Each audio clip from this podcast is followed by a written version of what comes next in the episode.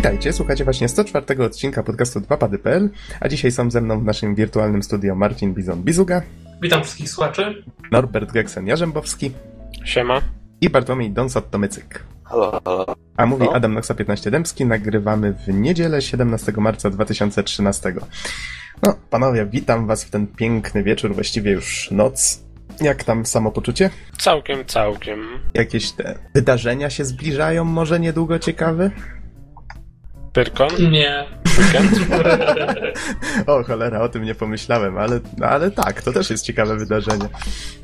O właśnie, nie. kiedy Pyrkon jest dokładnie? Dokładnie w ten weekend nadchodzący.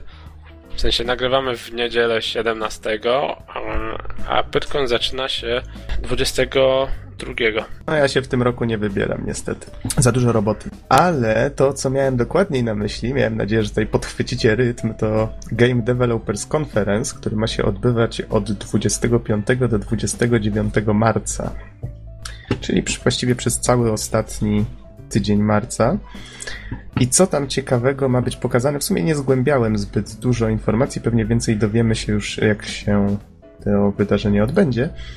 Ale na przykład będzie pokazany nowy Metal Gear Solid Ground Zeroes. Znaczy, już wcześniej widzieliśmy jakiś filmik, jak to w przypadku Kojimy, bardzo filmowy, ale być może teraz gra będzie pokazana trochę szerzej. I w końcu ma być zdradzone, czym jest ten The Phantom Pain, no, wszyscy wiedzą, że to jest taki dowcip Kojimy w związku z, z prawdopodobnie właśnie z tym Metal Gearem, no ale dlaczego akurat ten dowcip w ten sposób został pokazany, to, to tutaj przypomnę, że chodzi o filmik, który został ogłoszony jako zupełnie inna gra właśnie o takim tytule na... Na jakiej to było imprezie? Na VGA chyba, tak? Tak, tak, dokładnie, na VGA. No i tutaj właśnie ten Joachim Mogren który, no tutaj wiadomo, jak się poprzestawia literki, to, to kogo otrzymamy, e, udzielił wywiadu w cudzysłowie tutaj GameTrailers.com. Można go nawet zobaczyć, wrzucę go pod podcast. No i e, faktycznie e... mówią, że. A, a to jest wywiad wideo, czy, czy pisany? E, to jest wywiad wideo ale wiesz, to, to jest wywiad z osobą, która jest, która ma całą głowę obandażowaną i, i tutaj to wszystko nadal jest takie trzymane w konwencji takiego, takiego dowcipu. No zobaczymy, zobaczymy, co nam pokażą za tydzień. Sam jestem bardzo ciekaw, co z tego w końcu wyjdzie. Okej, okay, i co jeszcze w sumie będzie pokazane? Ponoć mm, ma się pojawić nowa wersja Havoka, czyli tego silnika fizycznego. Ma być dwukrotnie dwukrotnie szybszy i, i tak dalej, tam bardziej zoptymalizowany. Zobaczymy, co z tego wyjdzie. E, przypomnę, że na przykład jak PS4, po możliwości PS4 pokazywano ostatnio, to, to, chwalono się tymi piłeczkami zrzucanymi z nieba. To też było A, na, na Havoku bodajże. Akurat wiesz, piłeczki z nieba to bez problemu obecny Havok jest w stanie zrobić. Nie, wiadomo, ale tu, tutaj na przykład mam newsa na Atomie, na którym jest podane dokładnie, że Cytuję, silnika Havok, silnik Havok został zoptymalizowany m.in. poprzez większą wydajność, co najmniej dwukrotnie większą, lepsze użytkowanie, mniejszą pamięciożerność, zużycie pamięci ma być aż dziesięciokrotnie mniejsze. Koniec cytatu. No czyli faktycznie myślę, że dla deweloperów to dość dobra informacja. No i zobaczymy, co tam jeszcze ciekawego będzie pokazane. A skoro już jesteśmy przy takich raczej biznesowo-sprzętowych nowinkach, y, Ostatnio Nvidia ciekawy sposób się wypowiedziała na temat y, produkowania chipsetów do PS4. Wiem, Bizonie, że ty masz nawet ciekawą teorię na ten temat. Mógłbyś wytłumaczyć, o co chodziło Nvidia i, i jakie jest twoje podejście do tego? Znaczy, temat troszkę wydaje mi się dziwny, no bo Nvidia teoretycznie mówi, że E, że ma ograniczoną ilość inżynierów i tak dalej i mi się nie opłacało inwestować w produkcję tych chipów do konsol nowej generacji. To, to brzmi troszkę dziwnie, bym powiedział, że, że się sprzedaje potem miliony tych konsol, prawda? W każdej będzie chip i za każdy jeden egzemplarz tak naprawdę by za, zarobili, prawda? Bo ostatecznie w PS4 ma być wspierane przez AMD i Radeony, tak? Tak, tak, AMD i podobno także AMD chipy będą w Xboxie. Takie przynajmniej są plotki na ten moment. Mhm. Więc ciekawostką jest właśnie to, że Nvidia totalnie nie zależało według, według tych plotek na, na, na sprzedaniu kilku milionów kart graficznych, tak? A ja uważam, że skoro im nie zależy, to znaczy, że muszą robić coś zupełnie innego. Coś, coś, na czym faktycznie mogą zarobić i niekoniecznie są to tylko te karty graficzne, które wypuszczają normalnie na rynek. Ale masz tutaj I na tak- myśli w, w, takim, w takim domyśle tego Xboxa, jak mnie mam? Nie, nie, no właśnie, bo w Xboxie też mają być chipy AMD. Aha, to ja myślałem, w że ty w tą stronę zmierzasz. Mam to, że oni albo szykują razem z jakąś firmą nową platformę, albo po prostu pracują razem z, e, z Valve nad, nad Steamboxem. Hmm. No, nietypowa teoria, przyznam szczerze. Ja myślałem, że będziesz tutaj bardziej zmierzał w stronę tego Xboxa, że może oni dlatego nie pomagają przy tym. No nie, no bo właśnie Xbox też ma mieć chip AMD, więc pytanie jest, co tak naprawdę robi Nvidia, tak? A nie, Chociaż, Aha. e, a nie sądzicie, że ona może się skupiać na rozwiązaniach biznesowych, mianowicie e, teraz, wiecie, jest spory nacisk na te serwery, obliczenia w chmurze. Na przykład u mnie ostatnio otworzono jeden serwer, który ma tam 16 kart graficznych NVIDIA nastawionych na obliczenia. Mhm. Mówisz o, o tych Teslach, tak? No tak, To dokładnie. przede wszystkim. No, jest to też jakaś teoria, nie? O, oczywiście, że tak, tylko że, że to są pewne rozwiązania, które oni już mają opracowane, tak? I Tak, ale jeżeli będą dwa kroki przed konkurencją w tym, a mówi się, że ta generacja będzie ostatnią, myślę, że to jest całkiem możliwe, no to wtedy będą, wiecie, mieli przewagę biznesową.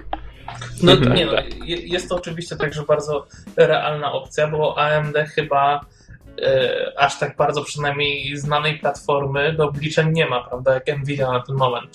Czyli generalnie te Tesla wygryzają ten kawałek rynku od. I może faktycznie stwierdzili, że, że tam to mimo wszystko jest większym biznesem niż sprzedaż kilku milionów kart graficznych tak, do konsol. Ja po przeczytaniu na przykład tej wypowiedzi tutaj Nvidia doszedłem do wniosku, że oni bardziej nie chcą się pakować po raz kolejny w tworzenie non-stop tych samych kart przez kilka lat. Mam wrażenie, że No tak, bo to, chyba... bo to też jest problem, nie? Bo, bo trzeba te chipy dostarczać powiedzmy przez 10 lat, tak? No tak, dokładnie. I, I to też jest faktycznie problematyczne, bo masz jakąś tam linię produkcyjną czy cokolwiek zablokowaną na, na te chipy, a jak wiadomo, te chipy wraz z latami tanieją, tak? Więc zaczyna się zarabiać coraz mniej na nich, a cały czas trzeba je produkować w takich samych ilościach, Mhm, co dokładnie. też faktycznie może być jakimś problemem.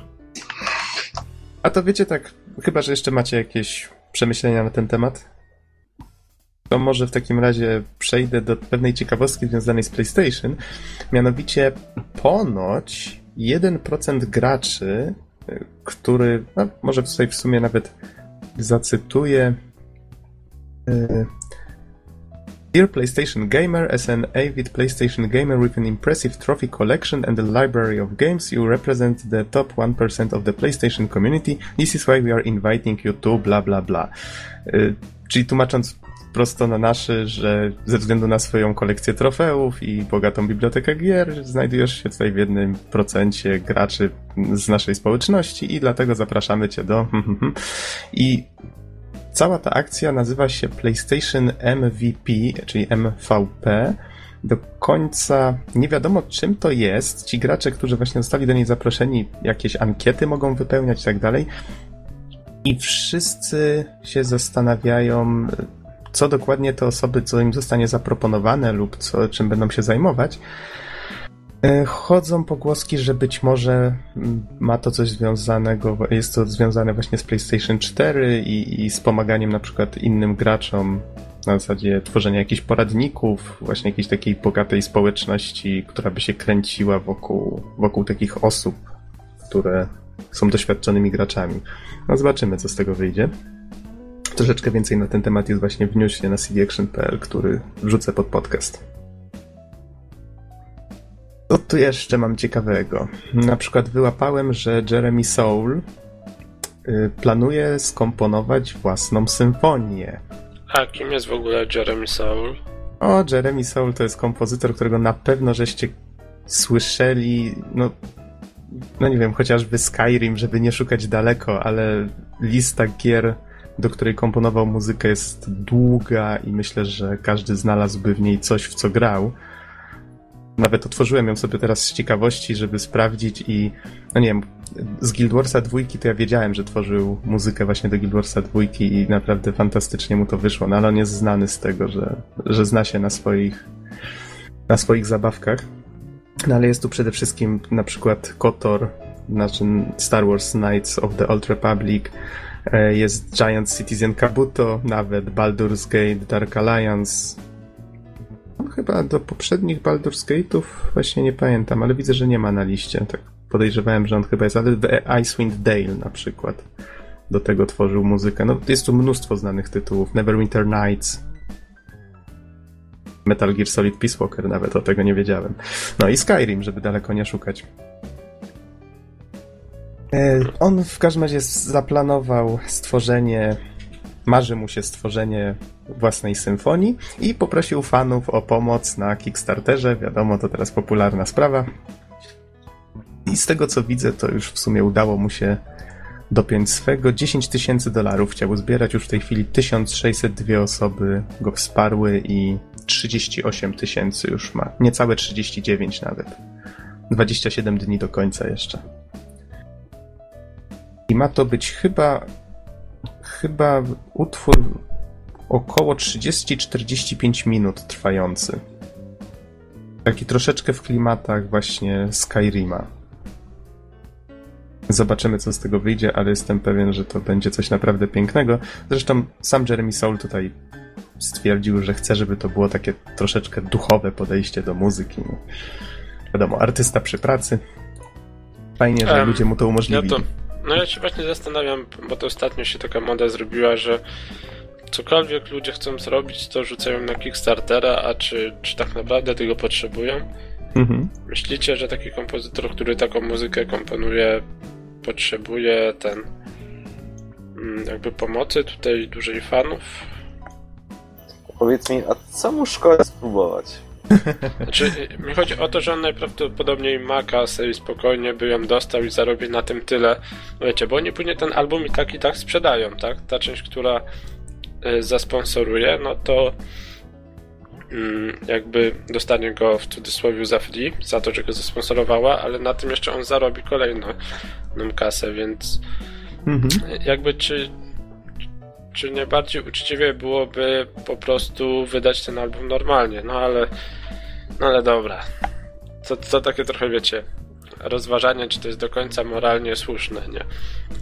Tutaj można byłoby długo dysputować. Wiesz, to, że jest znanym kompozytorem wcale jeszcze nie znaczy, że jest jakimś milionerem, ale 10 tysięcy dolarów, no ciężko tutaj spekulować, co nie, jak się nie wie, ile w sumie osoba, jakimi środkami dysponuje. Wiecie co, to ja może za klasyka Mhm. Zagłosujcie portfelem. O, rozmawialiśmy tutaj już o głosowaniu portfelem kiedyś. Do jakiego wniosku żeśmy doszli, że to w sumie się nie opłaca? No tak, to mocno że to nie działa tak naprawdę. No tak, no, mocno generalizując. Zależy w jakich, w jakich warunkach, no. A, co tu jeszcze ciekawego? To the Moon. Znalazłem informację na cdaction.pl na temat tego, że spolszczenie fanowskie, co jest ciekawe, niejaki Kio stworzył fanowskie spolszczenie, które w tej chwili znalazło się nawet na stronie Freebird Games. Jest no, w pewnym sensie oficjalnym spolszczeniem już w tej chwili. I można je najzwyczajniej w świecie pobrać. Demko jest też dostępne już gry w wersji polskiej. Jeżeli ktoś kupił grę z Goga albo Uplay, to też może już w jakiś sposób do tej polskiej wersji dotrzeć. Mm, więc no, co tu dużo mówić. Jeżeli ktoś ma raczej nie radzi sobie zbyt dobrze z angielskim, to myślę, że, że warto skorzystać, bo gierka naprawdę na to zasługuje. Myślę, że jeszcze niedługo usłyszymy o niej całkiem sporo, bo nawet żeśmy tydzień temu chyba mówili, że Bird's, Bird's Story, tak? Tak się miała nazywać? Mhm. Bird's Story, czyli ta krótka historyjka, która miała poprzedzić premierę To The Moon 2 już nadchodzi. No więc tu będzie się pewnie działo niedługo w tej kwestii. O, a ja mam Don dla ciebie dobrą informację, mianowicie niedługo doczekamy się update'u do Left 4 Dead 2. Będzie godzina zombie, znowu powróci. E, I ma być to crossover między Resident Evil 6 i właśnie Left 4 Dead 2. Taki dziwny pomysł by się wydawało. Mianowicie twórcy obu tych gier mm, wydadzą łatki, które w przypadku Residenta 6 mają dodać postacie z, z tej drugiej gry, mają się pojawić właśnie wybrani przeciwnicy, no i prawdopodobnie tak samo będzie po stronie właśnie Left 4 Deada. Tego co widzę tutaj na Atomie szukam daty 5 kwietnia. Wtedy ma się ten darmowy crossover ukazać. Nie jestem pewien, czy w przypadku obu gier, bo wydaje mi się, że gdzieś czytałem, że w przypadku Left 4 Dead ma to nastąpić trochę później. Chyba nawet w wakacje, ale nie, nie mam tutaj niczego, żeby podeprzeć. Najważniejsze, że dodatek będzie darmowy. Nie? I To nie trochę... Czyli Chyba No, no. sprawdzimy, panowie, nie? Warto wrócić w końcu tego Left 4 Dead 2, jak wyjdzie coś takiego. Znaczy, wiesz, Bizon, ja generalnie z Noxem myśmy bardzo ostro mucili Left 4 Deada i myślę, że jeszcze nie raz y, powrócimy do tego tytułu, bo, bo ob, obaj go cenimy strasznie, natomiast w takim razie wygląda na to, że będzie dodatkowa przynajmniej jedna kampania z tego, co, co widzę, no bo generalnie no, w Left 4 Deadzie wyglądało to tak, że jeśli jakiś dodatek, no to mamy jedną kampanię więcej, około 5 poziomów godzin na Mhm. rozgrywki. A Nie, wiesz, no, fajnie było jakby to zrobili tak, że to po prostu są potwory, które e, losowo pojawiają się we wszystkich kampaniach. Jeżeli Mogło się włączy być- taką opcję. Mogłoby być tak, a ja jeszcze się zastanawiałem, jakby to mogli najprościej rozwiązać, tak żeby się najmniej narobić, a wiecie, to tak zazwyczaj działa. I prawdopodobnie mogliby to zrobić tak, żeby wziąć ten tryb e, areny. Nie pamiętam, czy on się tak nazywał. Na zasadzie tam, że się nosiło te e, kanistry z benzyną, albo trzeba było jakieś cele wykonywać i tam po prostu zasypywać gracza takimi stworami. Chociaż biorąc pod uwagę, że cała ta gra działa na tym, e, na, na tym jak on się nazywał, reżyserze, tak? Mhm. Ja myślę, że, że to mogłoby być w taki sposób, że, y, że po prostu w kolejnej kampanii, tej dodatkowej, y, standardowi przeciwnicy byliby zastąpieni nowymi, albo po prostu dodani byliby nowi. Mhm. Bo na przykład po stronie Resident Evil 6 ma to być. E, tutaj może zacytuję. Oczywiście taki bonus otrzymają jedynie posiadacze wersji na PC, która będzie miała swoją premierę już niebawem. Ko- tutaj mowa o Resident Evil 6.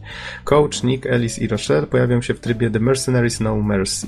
Każda z postaci będzie posiadała specjalny ekwipunek, co powinno się przełożyć na różne wrażenia podczas walki. Koniec cytatu. Więc specjalny tryb, w którym będą te i postacie z Left 4 Deada i, i te wybrane stwory pewnie też. A skoro jesteśmy już w temacie Resident Evil, to mm, kolejna ekranizacja powstaje. Fascynujące. O, Fabuła taka sama jak przednia. Która to już? Ktoś liczył? Mm, Nie wiem, nie wiem, ja nie liczę, ale ostatnio mam, miałem wrażenie, że ten film próbował się sprzedać, wiecie, z sexy laską na tym, na plakacie, a to dobrze się, to dobrze nie znaczy niestety. Reżyserem ponownie jest Paul Anderson. Cicho, będzie akcja, romans i tak dalej, i tak dalej. Okej. No, to właściwie, wiecie, ja tu jeszcze mógłbym w sumie wspomnieć o jednym newsie, nie mam żadnych filmików do wrzucenia pod podcast. Rzuciła mi się w oczy taka informacja, że y, Japończycy zapowiedzieli, ze Square Enix zapowiedzieli Drakengard trójkę. Jestem pewien, że nie słyszeliście ani o, o jedynce, ani o dwójce. To są gry, które wyszły na, na PS2. Ja w sumie sam w checkpoincie dostałem je e, używane i tak postanowiłem spróbować. Pamiętam, że mechanika po prostu była straszna, ale w jakiś taki dziwny sposób historia i, i ten, i, i w sumie taki, taki mroczny klimat mnie trochę wciągnęły. I, I faktycznie to, co się w tej grze później dzieje, to no wow. W pewnym momencie zacząłem przechodzić różne jej zakończenia tylko po to, żeby zobaczyć, co twórcy dziwniejszego wymyślili. No i właśnie jestem ciekaw strasznie, co, co zrobią teraz z trójką. Tworzą ją na PS3, więc teoretycznie powinna wyglądać trochę lepiej. Gra polega na... jest takim połączeniem troszeczkę slashera, jest jeszcze tryb z lataniem na smoku. To w sumie jest najlepsza część tej gry, bo slasher raczej słabo w jedynce wyglądał i, i w ogóle działał.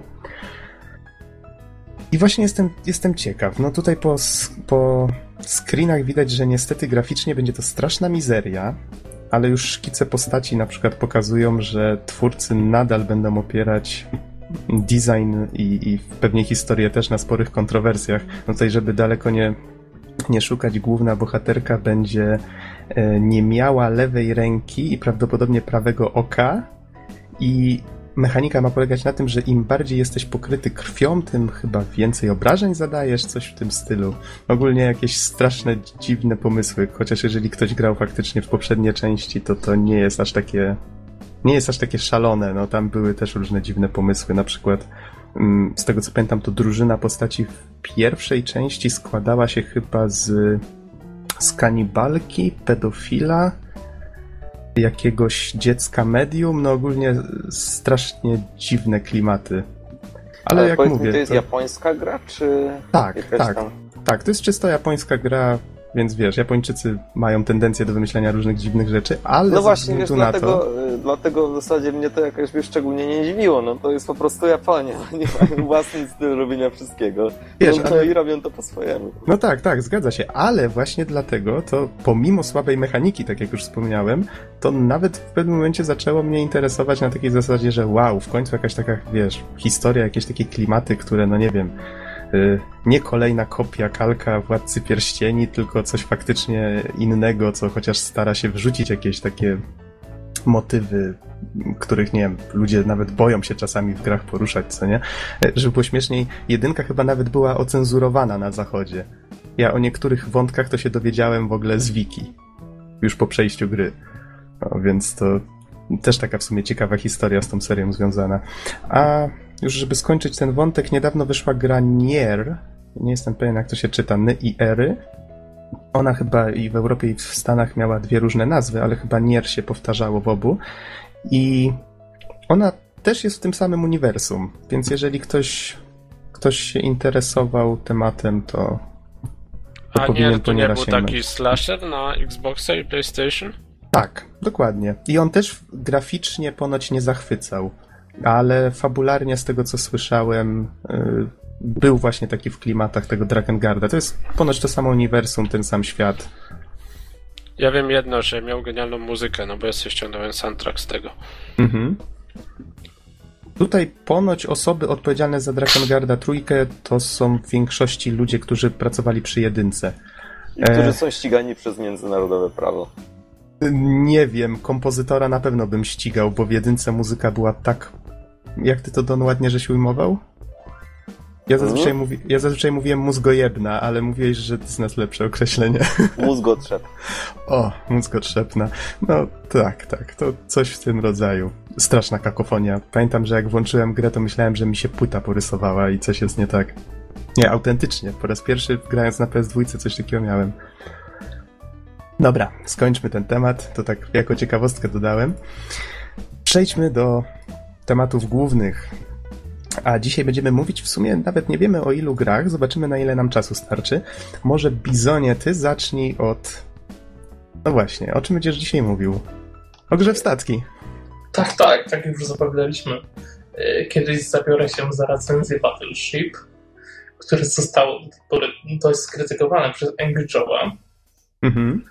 E, z ciekawości zaraz sprawdzę, ile w ogóle ta gra ma na Metacritics. Czy to ja też może, mam pod ręką? To, ja, to może sprawdź, a ja w tym czasie tutaj popatrzę. To widzę, że ta gra wyszła na PS3, Xboxa, Wii, 3DS-a, DS-a i wyszła w 2012, a konkretniej w kwietniu. 18 i 20 kwietnia, odpowiednio w Australii i Europie. No a w Stanach widzę, że dostali ją w maju. To tak tutaj ciocia Wikipedia mi podpowiedziała. A średnia na Metacritics to 38 na, na 100. Co wow. klasyfikują rzeczywiście dość nisko. To Bizonie, powiedz, czy ty byłeś zadowolony? Wiesz co, tak i, i nie, chociaż chyba troszkę bardziej na tak, wbrew pozorom. Okej. Okay. I tutaj, tutaj w sumie musimy się odwołać do sedna oceniania gier. Czy oceniamy grę jako twór, czy oceniamy grę jako coś, co nam się podobało, tak? Jako rozgrywka. Czyli będzie filozoficzna I, recenzja. I, I, spędzenie czasu. Nie wiem, czy filozoficzna, czy to nie jest za dużo słowa. Ja bym ostrożny przy poruszaniu takich pojęć. Ale wiecie o co chodzi, nie? Można oceniać grę dwujako, teoretycznie powinniśmy ją jednak ocenić tak, jakby zebrać te wszystkie elementy, czyli jednocześnie artyzm wykonania i jakość tego wykonania, mhm. i jednocześnie odczucia związane z, z samym graniem. Okej. A właśnie, taka ciekawa informacja. To jest oparte na filmie, tak? Który jest oparty na grze planszowej. E, która jest oparta na... No właśnie. Jej. Chaos, Incepcja. Ale nie, Bizon, naprawdę, powiedz mi w ogóle, jaka to jest gra, o co w niej chodzi? Ja, jak wygląda rozgrywka? Bo tak nie, nie potrafię sobie za bardzo wyobrazić. Wiesz co, to, to, to jest ciekawy miks y, generalnie. Y, Nie ma tutaj nawiązań de facto do macierzystej gry w statki, którą chyba każdy zna. Jest to zdecydowanie gra bardziej na podstawie filmu, tyle że specjalnie na, na potrzeby recenzji obejrzałem także film. I o co w nim chodzi? I generalnie kosmici atakują na Ziemię i, i właściwie cała bitwa o, o przejęcie planety zaczyna się na morzu. Mhm. Akurat e, dzieje się to wszystko podczas manewrów statków e, właśnie e, różnych państw na wodach. Po prostu mają jakiś tam taki zjazd i, i treningowe e, treningowy przepływ, prawda, tymi statkami i właśnie w tym momencie przypadkiem. atakują właśnie ci kosmici, nie, tymi y, też swoimi statkami. Chcą oni, że tak powiem, y, najpierw utworzyć kontakt ze swoją macierzystą planetą, że tam przyleciało więcej, więcej tych, tych kosmitów wszystkich. No i trzeba ich powstrzymać przed tym, prawda, żeby, żeby nie doszło do, do inwazji na Ziemię. Generalnie fabuła filmu klasyfikuje się w ten sposób. Głęboka. To jest Y, wytłumaczenie bitwy jednej wielkiej.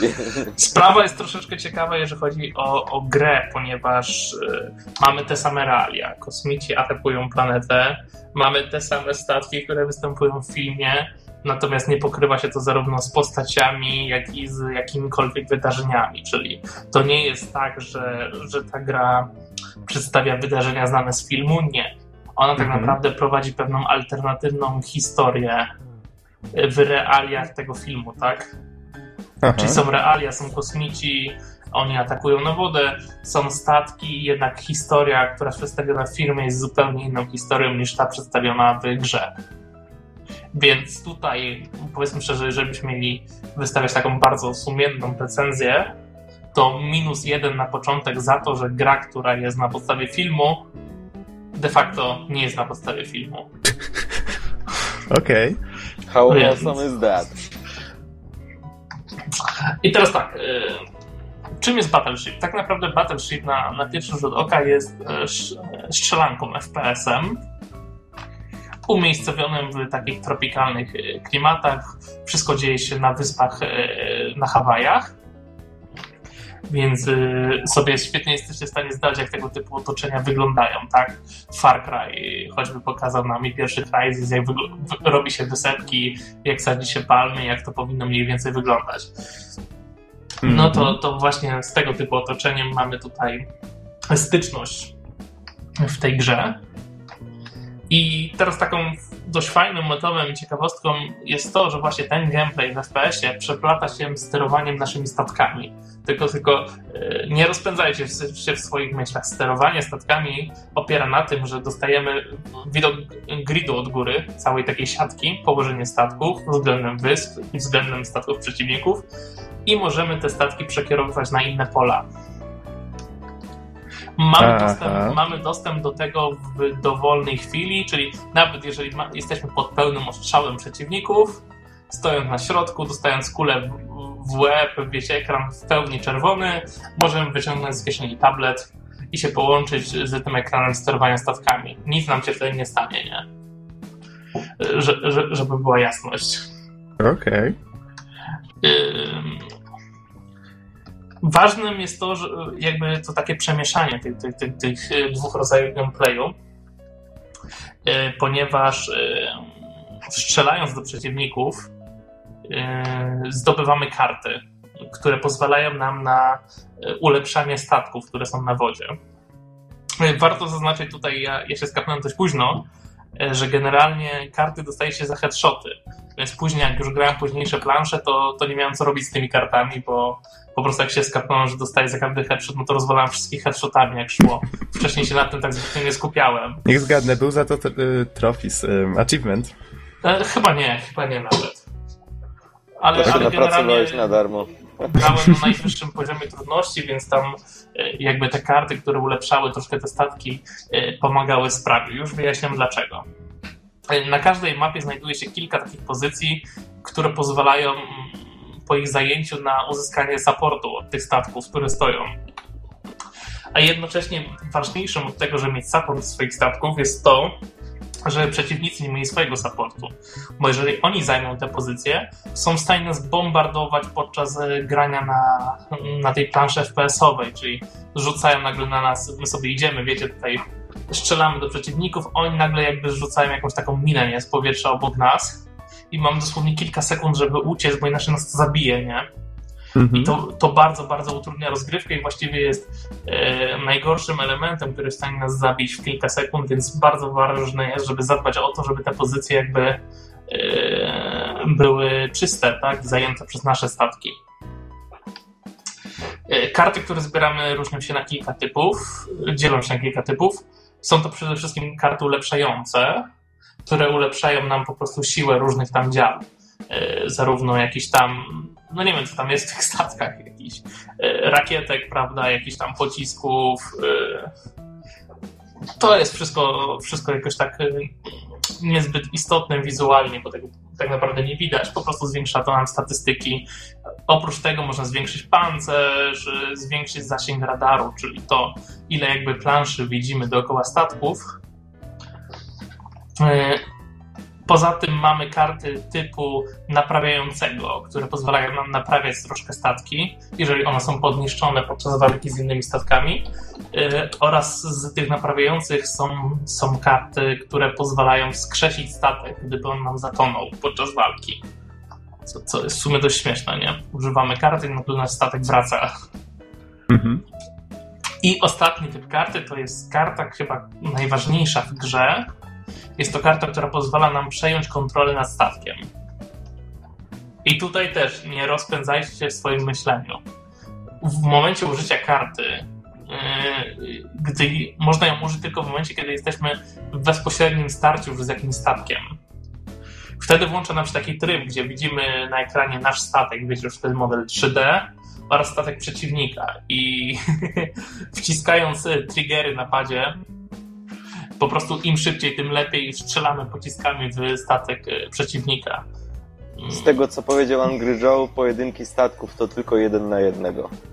Tak, tylko jeden na jednego, nieważne ile statków jest jakby w okolicy, widzimy tylko jeden statek przeciwnika, no i faktycznie, tak jak powiedział Angry Joe, jest to totalnie bez sensu, bo nie jesteśmy właściwie w stanie przegrać takich, yy, takich walk, po prostu musimy wciskać kilka razy szybko klawisze i statek przeciwnika na 99% pod warunkiem, że nie byliśmy maksymalnie zniszczeni za to, nie? Więc yy, Angry Joe świetnie to ujął. Mogłaby być to wstawka filmowa, no mogłaby być, ale nie może ze względu na walkę z ostatnim bossem, bo on też jest statkiem i wtedy faktycznie by nie mieli jak tego zrealizować.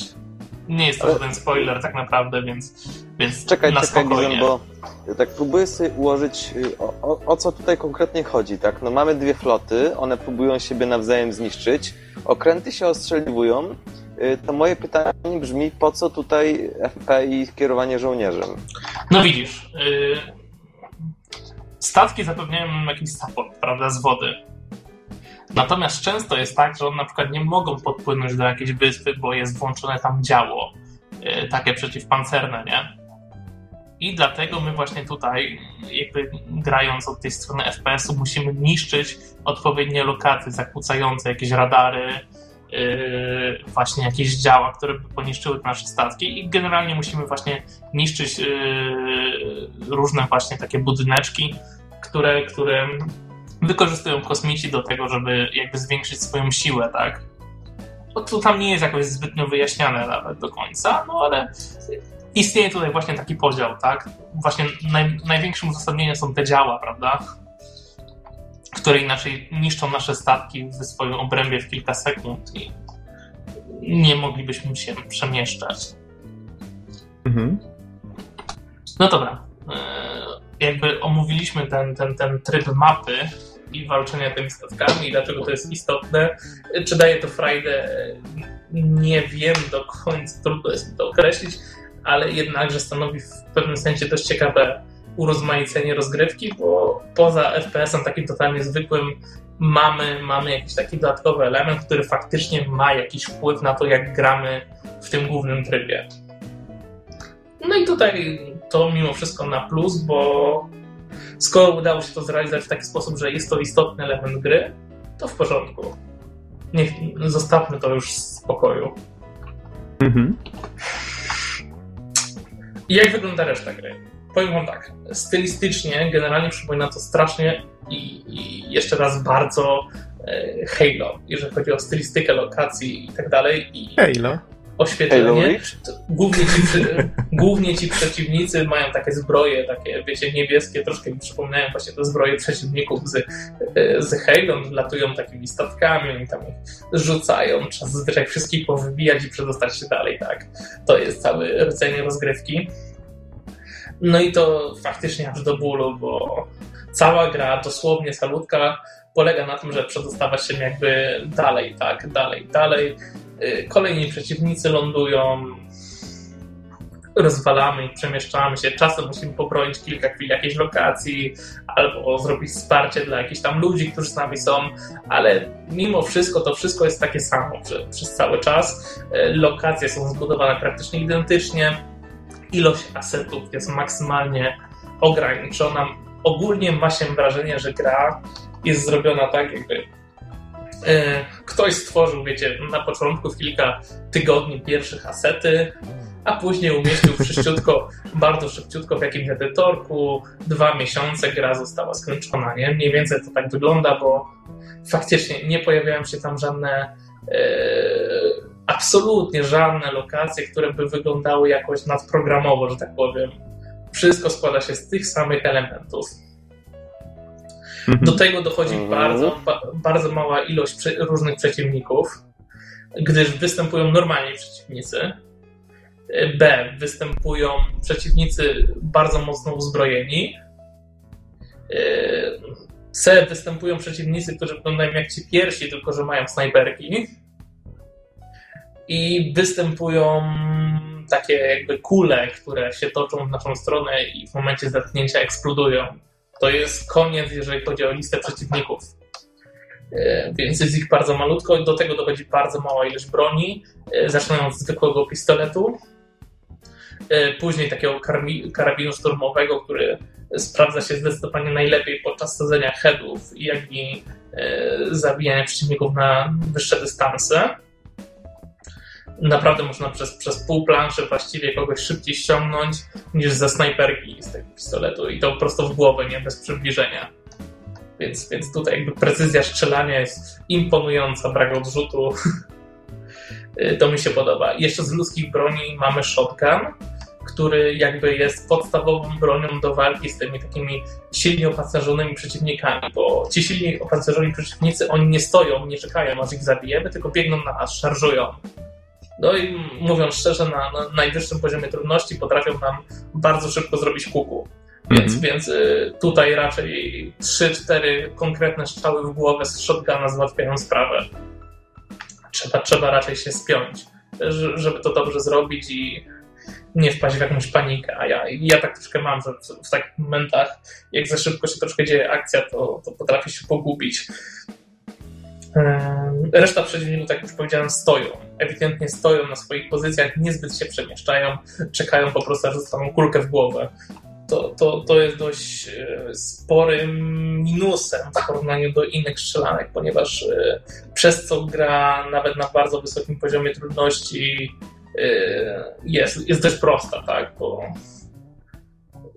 no bo wiecie, chowamy się za osłoną, odnowi nam się życie, wychylimy się, rozwalimy dwóch headami, znów się schowamy i możemy iść dalej, nie? Nie stanowią oni jakiegoś większego problemu. Yy, ej, gadałem o broniach i zapomniałem jeszcze o dwóch sztukach. Są to bronie kosmitów. Jeden to jest karabin maszynowy, który ma od zarąbania amunicji. Yy, ciekawostką jest to, że ten karabin strzela w ten sposób, że on zwiększa jakby swoją celność wraz z czasem strzelania, czyli dopiero po jakichś 100 pociskach jego ogień y, robi się taki koncentryczny w jeden punkt. Wcześniej jakby te pociski tak się rozlatują na boki i niezbyt jesteście w stanie cokolwiek ustrzelić z niego. W dodatku przeładowuje się na tyle długo, że biorąc pod uwagę, że właściwie każdy przeciwnik zostawia taką samą broń, y, to łatwiej jest po prostu podnieść nową sztukę. To też Angry Joe o tym wspominał. A ostatnią, ostatnią sztuką broni jest y, właśnie snajperka kosmitów, która, która jest właściwie też dość skuteczną bronią, ale skuteczną właściwie tylko na snajperów kosmitów. To jest jedyny sens używania jej, jeżeli się nie ma zwykłego karabinu szturmowego. To wtedy na snajperów, bo e, snajperzy dość szybko są w stanie zlikwidować, więc musimy po prostu zcharge'ować e, snajperkę, żeby miała pełną moc uderzenia i strzelić w głowę, żeby nas nie zdążył ich powalić. Mhm. Tak jak mówię, gra jest dość prosta. Nawet na tym hardcore, czy tam jak, jak się nazywa ten poziom, poza momentami, kiedy zostaniemy zarzuceni za dużą ilością na przykład tych, tych ciężkich przeciwników, którzy sarżują. Na przykład wrzucą nam dwóch takich i do tego na przykład toczą się nas trzy kule te wybuchowe. I generalnie wtedy jest chaos i wtedy powiem wam, że szukałem jakby takich miejsc, których gra nie przewidziała, że tam są w stanie się dostać przeciwnicy. I to załatwiało sprawę, wiecie, gdzieś tam wszedłem na górkę troszkę, tak żeby przeciwnicy się zaklinowali i wtedy dopiero ratowałem sprawę i przechodziłem dalej. Ale jest to generalnie do ogarnięcia. Gra składa się, jeżeli dobrze pamiętam, z siedmiu poziomów, bo to już było kilka tygodni temu. Wszystkie są, tak jak powiedziałem wcześniej, bardzo do siebie podobne. Nie występują tam żadne elementy zaskoczenia, jeżeli chodzi o zmiany w rozgrywce i generalnie cała sceneria również się właściwie nie zmienia. Więc kurczę, tak gadam, właściwie powinienem wystawić bardzo słabą ocenę, nie? No właśnie tak mówisz o niej dość pochlebnie, bym wręcz powiedział. No nie, no właśnie mówię, że wszystko w sumie jest tak samo, jest troszkę znaczy, za prosta no, i tak, no tak dalej. Wy, znaczy, takie wyobrażenie raczej gry monotonnej, w którą można zagrać, ale nie trzeba. Tak trochę sobie tutaj wyobraziłem. Czy poprawnie? No tak, tak, w sumie masz rację, ale jednocześnie nie wiem dlaczego granie w tą produkcję dawało mi dużo fanu. Aha. Po prostu w pewnym sensie czerpałem fan z, z, z tych uproszczonych lokacji, y, z tego, że ci przeciwnicy są głupkowaci i troszkę ze skaczącego poziomu trudności i Aha. była to dla mnie taka odpowiednia mieszanka, żeby bez wczuwania się w jakąkolwiek historię, która właściwie nie istnieje i tak dalej, sobie po prostu przyjemnie pograć. I to dla mnie będzie największy atut przy tej recenzji. Nie to, jak ta gra została wykonana, bo ona wygląda teoretycznie też ładnie graficznie, ale, ale z drugiej strony przecież ilość pracy adekwatnie do innych gier włożona tutaj, e, te kilka setów i wygenerowanie planż edytorze jest po prostu minimalny, prawda, względem jakichś innych produkcji, więc trudno by było de facto wystawić za grafikę tutaj wysoką ocenę, no bo powinienem zrobić to sumiennie, prawda? Mało asetów, wygenerowane plansze, mimo że jakoś to wygląda, to ilość pracy jest mała, tak? Nie jestem pewien, czy mówiłeś, a przejście całej gry ile zajmuje? Przejście całej gry. Wiesz co, średnio na, na poziom schodziło mi około 40 minut. I 7 nie poziomów, to, tak? Nie, nie jest to długa gra generalnie. A powiedz mi, y, ile, za ile ją dostałeś? Wiesz co, no tak, bo to, to jest dość istotne przy tej grze, bo pewnie kupowanie jej za jakąkolwiek większą kwotę nie ma sensu.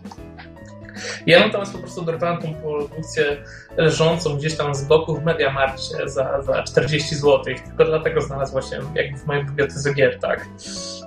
I za te 40 zł naprawdę bawiłem się fajnie, tym bardziej, że właśnie miałem cały czas na myśli to, co powiedział Joe o tej grze, nie? Mhm. Więc w porównaniu do tego, co się spodziewałem, to naprawdę, naprawdę bawiłem się całkiem fajnie przy tej pozycji. A powiedz Bizon, komu by się polecił? To jest trudne pytanie, bo faktycznie ilość gier do grania jest po prostu olbrzymia, tak? I szczerze mówiąc, każdy, każdy jeden taki większy tytuł mógłby spokojnie wyprzeć tego Battleshipa i mógłby on zostać przez potencjalnego gracza zupełnie niezauważony, no i jednocześnie ten gracz też by nic nie stracił, tak? Ta gra nie ma żadnej wartości dodatnej takiej, że to jest tylko gra dla osób, które po prostu mają ochotę sobie poszczelać bez żadnego skupiania się na innych aspektach. Znaczy, jeżeli wiesz, ja myślę, jeżeli że... wymaga się od gry czegokolwiek więcej niż samego grania i gameplayu, to po prostu ją pomincie, tak? Nawet się nie zastanawiajcie. Mhm, znaczy wiesz, ja myślę, że, że jeśli chodzi o strzelanie bez, bez jakiegoś większego wczuwania się, to Call of Duty chyba zgadnęło wszystkich graczy. Nie no wiesz, to, to, to nie ma sensu porównywania. Po prostu jeżeli lubicie od czasu do czasu przejść jakąś prostszą strzelankę za, za małe pieniądze, to, to jest odpowiednia produkcja, tak? I jeżeli masz całą listę jakichś innych tytułów do przejścia, tak, no to możesz sobie darować po prostu. No. Nic nie stracisz, tak? Nic zupełnie. Mhm. No dobrze, panowie, w takim razie, czy jeszcze są jakieś pytania do Bizona w związku z Battleship? A możemy zagrać w planszówkę? Y, Ja atakuję na B2. Wiecie, przez podcast to nawet dałoby radę. Moglibyśmy tak w trakcie podcastu taki meczek rozegrać, co chwila byśmy tam wtrącali, a to teraz ten na, na to i to. To jeszcze tylko tak dla dopełnienia. Poza singlem y, nie ma nic więcej w tej grze. Żadnego multi. y, Jedyne co to odblokowują się jakieś tam obrazki. Y, Więc ogólnie faktycznie wartość samej produkcji jest dość niska. Mhm. Taka dodatnia, tak. To tutaj nic nie ma. Jedyne co może jakby nas skusić do ponownego przejścia gry to dopicie kilku achievementów i zebranie jakichś tam znajdziek, tak, ale to, to nic, za- nic za dużo. A, okej. E, Don atakuje na A15. Okej. Trafiony, Dobra, zatopiony. No i moglibyśmy pod koniec podcastu właśnie powiedzieć, komu ile zostało. No dobra, panowie, to w takim razie rozumiem, że kończymy o Battleshipie. No, jeżeli nie macie więcej pytań, to, to tak. Znaczy wiesz, Bizon, ja generalnie tak właśnie słuchałem, słuchałem tak coraz, coraz bardziej yy, podchodząc z dystansem do tego, że kiedykolwiek mógłbym w to zagrać, ale myślę, że, że raczej nie. Raczej nie. Nawet jako miłośnik bitew morskich i wojen morskich. Nie. nie. Mhm. Nie, no bo to jeżeli lubisz bitwy morskie i tak dalej, to może ewentualnie fajne są modele tych statków zrobionych, całkiem takie wydają się odwzorowane, ale to, to wszystko.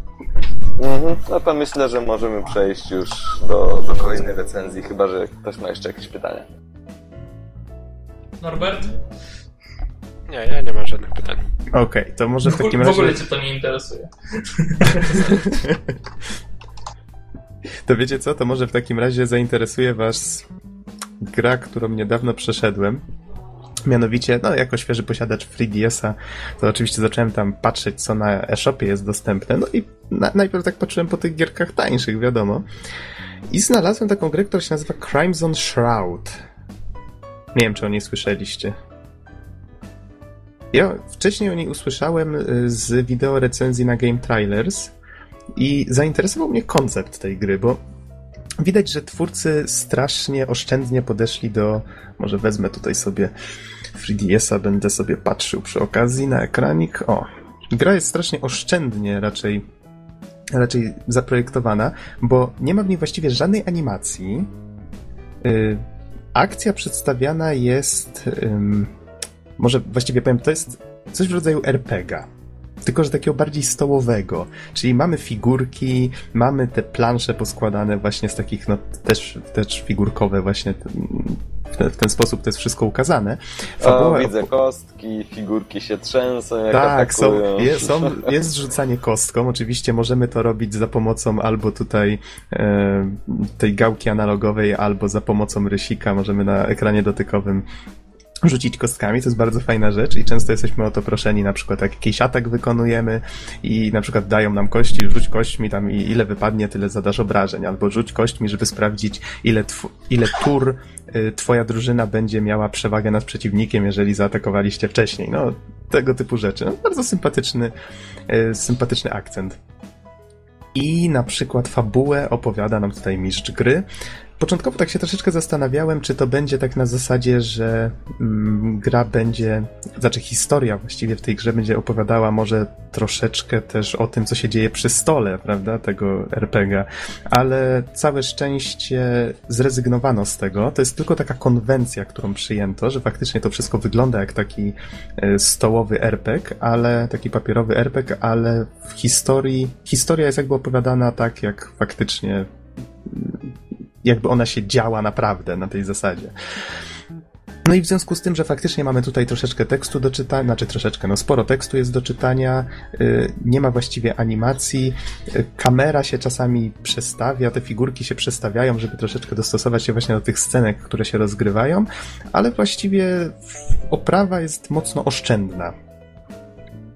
Więc troszeczkę przypomina to taką graficzną nowelkę w pewnym sensie, w której gameplay ogranicza się do poruszania się po różnych pomieszczeniach. Na dolnym ekranie mamy pokazaną mapę y, pałacu, w którym rozgrywa się akcja. Kierujemy grupą poszukiwaczy skarbów, poszukiwaczy, właściwie to nie tyle poszukiwaczy skarbów, co taką grupą osób, która zajmuje się e, szukaniem konkretnej rzeczy lub osoby na zlecenie. No tutaj wraz z postępami w grze dowiadujemy się więcej, dlaczego zostali tutaj wysłani, kogo lub czego właściwie szukają.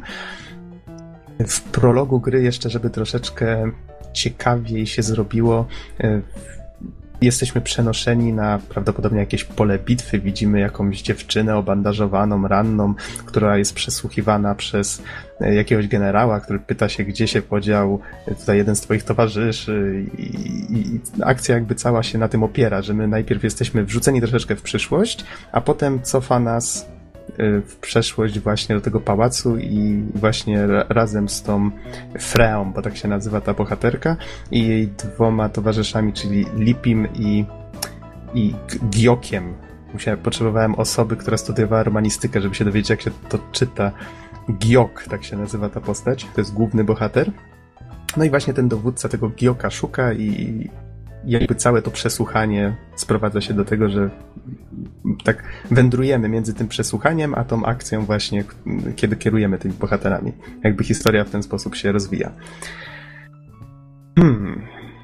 Wracając może troszeczkę do gameplayu. Tak jak wspomniałem, całość przypomina taką właśnie nowelkę, w której wybieramy na przykład do którego pomieszczenia chcemy iść. Jeżeli w jakimś nie byliśmy, to musimy je odwiedzić. I, i właściwie walki Czyli tak jakbyście wzięli jakiegoś JRPGa dowolnego, w którym przeciwnicy są po jednej stronie planszy, a nasza drużyna jest po drugiej i właściwie obdarli go z całego podróżowania po świecie i tak dalej, bo właściwie ilość pomieszczeń, czyli tych lokacji w całej tej grze jest bardzo niewiele. Mm, właściwie gdyby tak policzyć je, to, to myślę, że liczba wyszła bardzo nieduża, ale nie będę jej tu podawał, żeby ktoś nie potraktował tego za spoiler. Z kolei same walki trwają dość długo już. No tutaj mamy podział natury, możemy wybierać, czy chcemy atakować wręcz, czy chcemy jakiś czar użyć, albo skilla. To są takie jakby dwa typy praktycznie tej samej rzeczy. Mm, czary później zdobywamy różne, mogą jakieś właśnie oparte na żywiołach, oparte, w których na przykład niektóre potrafią y, konkretnego przeciwnika albo całą grupę przeciwników zaatakować, niektóre potrafią leczyć albo buffować, debuffować. No tutaj są takie standardowe raczej RPGowe rzeczy. Y, to, co jest ciekawe, to to, że nie ma tutaj punktów doświadczenia jako takich i postacie nie levelują. Jedyne, co możemy robić, to zdobywać ekwipunek, jeżeli mamy dwa takie same przedmioty, możemy je wtedy połączyć, jeżeli mamy odpowiedni materiał do tego. I z czasem zdobywamy też zwoje, które pozwalają nam przypisywać do danego ekwipunku e, jakieś magiczne właściwości. Czyli powiedzmy zdobywamy zwój z jakimś konkretnym czarem.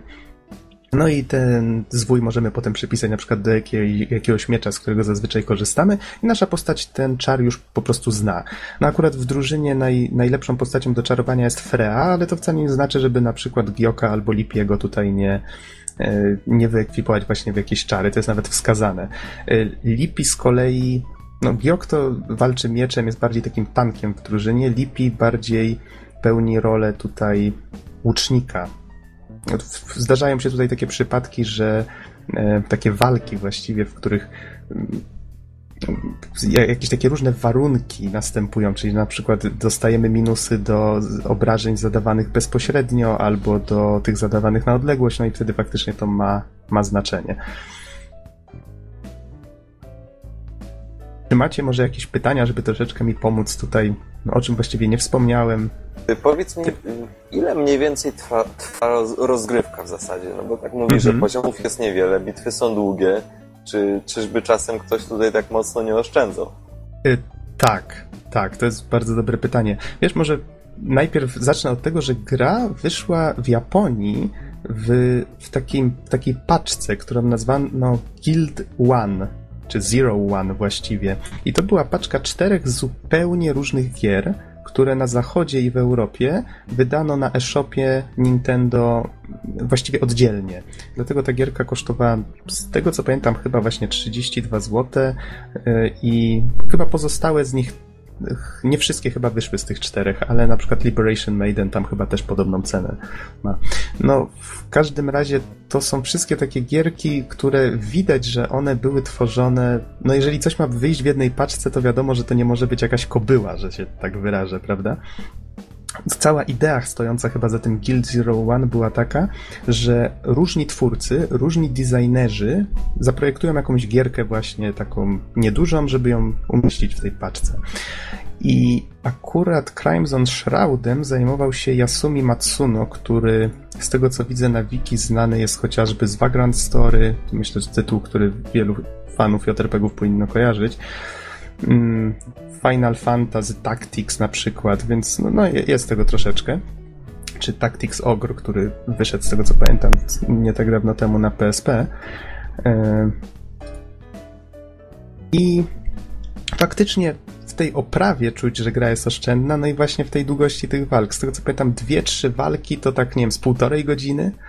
Jezu, Zwłaszcza. Panie. No, no dokładnie. Znaczy, licząc oczywiście z dialogami, które się potem odbywają, to wiesz, to jest tak, wchodzisz do pomieszczenia, postacie, znaczy mistrz gry opisuje, że wchodzisz do pomieszczenia, tam buduje klimat, że gobliny, powiedzmy, czy tam inne te chowają się za rogiem. Co robisz? I tutaj masz możliwość wyboru, na przykład, że nie chcę je ominąć. Okej, okay, rzut kośćmi. No cóż, wypadło, że że niestety zauważyły cię, no i zaczyna się walka, skończyłeś walkę i tu znowu jakiś dialog, znaleźliście skrzynkę, co robicie? No na tej zasadzie, więc to, to w sumie jest fajne, to sprawia, że, że wciąga. Jakby ta historia podoba. płynie, co?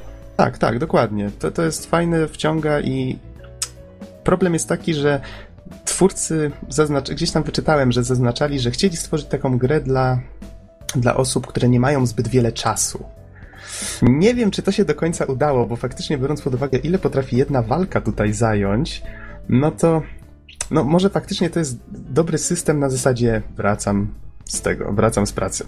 Gram sobie jedną, dwie walki, odkładam i potem do gry wracam. I faktycznie jest to RPG, który nie trwa jakoś szczególnie długo. Ja go przeszedłem chyba w 10 godzin.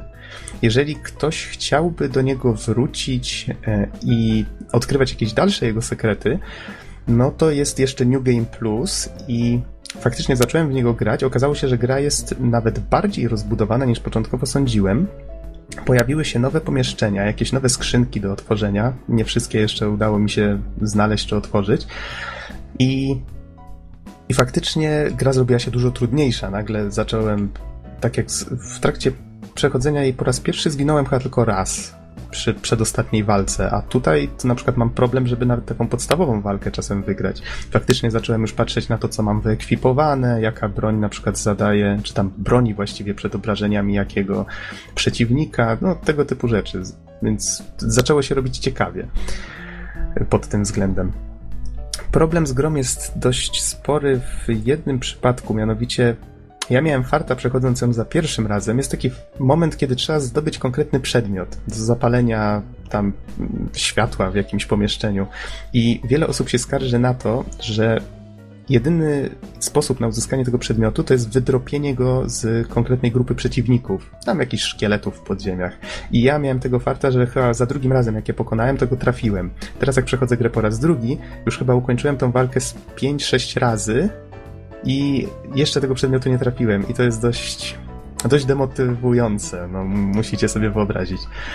I, I, niestety na forach, jak próbowałem szukać jakichś informacji na temat tego, czy tak być powinno, no to się okazuje, że niektóre osoby mają spory problem z tym fragmentem i to, to niestety jest, myślę, duży, duży minus. Czyli co, jedyne rozwiązanie grać dalej? Na to wygląda. Nie, nie udało mi się znaleźć żadnej, żadnego konkretnego rozwiązania. No to faktycznie, no to jest kurde, no poważna rzecz. No. No tak, to, to jest... nie wszyscy mają czas, żeby 10 razy tę samą walkę robić, zwłaszcza, że te walki, tam powiedziałeś, no trwają mhm. trochę czasu. Z kolei, wiesz, samych przeciwników nie jest zbyt dużo.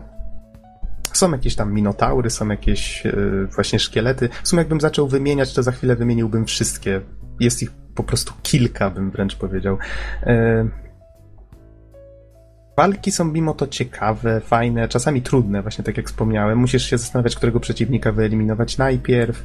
Y, czasami wybór ekwipunku ma spore znaczenie. Mm, nawet to, z jakich czarów korzystasz. Buffy i debuffy mają tutaj bardzo duże znaczenie, czyli na przykład to, że pozwolisz jakiejś postaci, zrzucisz na nią czar, że na przykład zadaje większe obrażenia wręcz. Mm, czyli to znaczy w starciu bezpośrednim. No i wtedy nagle się okazuje, że zadaje dużo większe obrażenia, albo jak rzucasz na nią jakąś tarczę ochronną, no to wtedy się okazuje, że o połowę zmniejszasz y, obrażenia, jakie otrzymuje. Więc tego typu rzeczy mają tutaj bardzo duże znaczenie. No i o ile przy przechodzeniu gry za pierwszym razem nie musiałem aż tak dbać o strategię, to faktycznie już za drugim jest dużo, dużo trudniej. I gra ma też więcej zakończeń, chyba dwa, dobre i złe. Jak się przechodziłem za pierwszym razem, to niestety zobaczenie dobrego chyba jest niemożliwe. Tyle przynajmniej udało mi się dowiedzieć. Więc dlatego próbuję ją przechodzić teraz na. Nawet myślałem o tym, żeby odłożyć recenzję do przejścia jej na drugim tym, ale jak mówię, troszeczkę tracę już do niej cierpliwość. No i zobaczymy, ale mam ochotę je zobaczyć. Gra się fajnie, to jest taka gierka, do której można wrócić od czasu do czasu, przejść sobie jedną, dwie walki, ulepszyć sobie troszeczkę ekwipunek. Widzę, że są tu nawet jakieś takie e, znaczniki oznaczające ekwipunek rzadki, jakiś magiczny, czy coś takiego i w sumie ani jednej takiej broni jeszcze nie mam w ekwipunku, więc myślę, że jak ktoś gra na tych kolejnych New Game Plusach po przechodzeniu gry kolejny raz, to, to tam znajduje różne, różne fajne rzeczy. Chociaż gdzieś wyczytałem, ktoś napisał, że ilość pokoi się na przykład już po przejściu gry za drugim razem nie zwiększa. Nie wiem, czy to prawda, ale tak wyczytałem. Gdzieś sobie jeszcze wynotowałem na przykład jakieś plusy i minusy. No tutaj wspomniałem o tym, że świat gry jest niby śmiesznie mały. Wspomniałem o tym, że, że historia jest wciągająca, fajna. Hmm, możemy wracać do niektórych walk. Aha, no to na przykład, jeżeli chcemy wrócić do niektórych pokoi, to widzimy, że po pokoju poruszają się jakieś takie ślady kopyt właściwie i to oznacza, że na przykład mamy jakiegoś silnego przeciwnika, który coś może nam wydropić. Tutaj drop polega na tym, że w trakcie walki możemy, ale nie musimy zwracać uwagi na to, jakie żywioły dobieramy. Jeżeli na przykład wybierzemy żywioły, które się nie wykluczają w pewnym sensie. Już nie pamiętam dokładnie jak to było, ale chyba jeżeli e, najpierw się użyło pioruna, a potem skały albo, albo na odwrót, no to wtedy przerywało się combo. Jeżeli się go nie przerwało powiedzmy przez dwa lub więcej razy, dostajemy kostki. Tych kostek możemy używać później na przykład do tego, żeby zwiększyć zadawane obrażenia. Czyli na przykład yy, wiesz, że ten atak ma 90% szansy powodzenia i zada na przykład tyle obrażeń, no to możesz sobie albo dorzucić te kostki, które masz w puli, możesz je dorzucić albo do tego, żeby zwiększyć szanse trafienia, albo do tego, żeby zwiększyć e, obrażenia. Jak skończysz walkę, to otrzymujesz listę rzeczy, które przeciwnicy upuścili i mm, po, te, po tym, jak się dobrze sprawiłeś w tej walce, masz podane, ile tych przedmiotów możesz wziąć. To, to tam każdy z tych przedmiotów ma jakąś tam swoją wartość i to się przelicza. I te kostki też się przydają na przykład do tego, żeby wziąć więcej tych przedmiotów, czasami dorzucić troszeczkę do tej puli. Mhm, no to tak słuchając tej twojej recenzji, to wychodzi na to, że gra w zasadzie przypadnie do gustu wszystkim fanom RPGów, yy, niekoniecznie papierowych, chociaż też. Yy, mhm. Ogólnie fanom bitewniaków. Troszeczkę tak. Nie porusza się tutaj co prawda postaciami po planszy, ale jest w tym troszeczkę strategii, no. Można tak powiedzieć. Jeżeli ktoś się na jakieś tutaj wizualne atrakcje nastawia, to raczej nie powinien. Tak jak mówię, animacja jest ograniczona do minimum. Figurki W czasami... zasadzie do zera, to tylko figurki podskakują, wracają się i tak dalej, ale wiesz co, Tak, dokładnie. tak, patrząc na to, to, to jednak to, tak uśmiecham się do siebie, bo bardzo sprytnie to wszystko wykonali. Jak, jak na przykład ta Freya atakuje magią, obraca się, że ta figurka i tak już znajduje się w pozycji wyjściowej, która w zasadzie sugeruje ten atak. Więc, Mhm. więc no, no, design jest bardzo pomysłowy. I, jednak musieli mieć pomysł, żeby to jakoś upchnąć y, w mniejszych kosztach. No, a może, może jakieś podsumowanie wobec tego y, jedno-dwuzdaniowe? Hmm. Skoro już nikt Po- nie ma pytań, chyba że są jeszcze No właśnie, czy pytania. macie jakieś pytania? Chyba nie ma. Nie, nie, mi się podoba, że, że właśnie jest to zrealizowane w taki sposób, jak mówisz, nie? że jest to Aha. taka planszówka dosłownie przeniesiona na ekran. Mhm. To fajnie przyjmie. No, to może w ramach podsumowania to powiem, że gra jest, gra jest fajna. Mm, Jeżeli już się ktoś wciągnie w tą historię i w ten gameplay, zrozumie jego zasady, no to wtedy faktycznie chce się do niej wracać. Jeżeli się ją skończy za pierwszy, znaczy, jeżeli już się skończy to pierwsze podejście, tą fabułę, ten jeden obiekt, to faktycznie już wtedy chęć dalszego grania słabnie, bo wiadomo, można przewijać dialogi, które się już raz przeczytało, ten klimat, wiadomo, troszeczkę się zmniejsza bez, bez tych tekstów i, i cała gra się ogranicza do tych walk, które no niestety są mocno wtórne już wtedy. Y, Ale jeżeli ktoś lubi masterować, zwiększać faktycznie statystyki, patrzeć na, na, na swój nowy ekwipunek, tam dobierać strategię, to faktycznie mm, faktycznie może mu się to spodobać. No i tylko trzeba brać pod uwagę, że faktycznie, że a, faktycznie, faktycznie, faktycznie.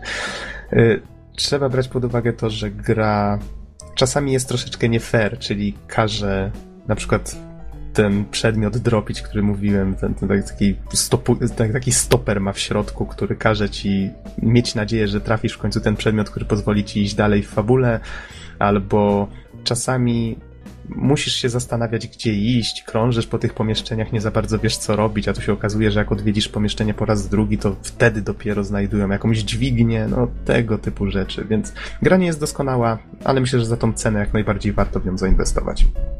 I myślę, że w ten sposób mogę skończyć.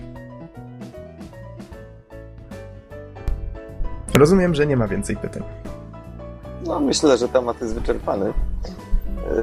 Yy, I możemy trochę przy okazji. Yy, Jaka jest kolejna recenzja na dziś? No właśnie nie wiemy. Ja powiem tak. Z waszych Ale propozycji, Z czasem stoimy. z czasem wam zaraz powiem, ale wśród propozycji, które mam tutaj zapisane, to Bizon ch- chciał jeszcze mówić o Cut the Rope. Z kolei Norbert, wiem, że przeszedłeś niedawno FTL, znaczy Faster Than Light i Galactic Rain. Przejść nie, nie przeszedłem. A, no tak, bo FTL-a nie da się przejść. Da się przejść. Da się? On ma koniec? Oczywiście, ale, ale nie będę spoilować. O, to żeś mnie zaintrygował, ale nie grałem jeszcze, słyszałem tylko, więc ciekawe, ciekawe. Ja oglądałem. No, ale myślałem, że sam przeszedłeś. No dobrze, to panowie, w No takim razie, wydaje mi się, że o przynajmniej jednej grze jeszcze zdążymy powiedzieć.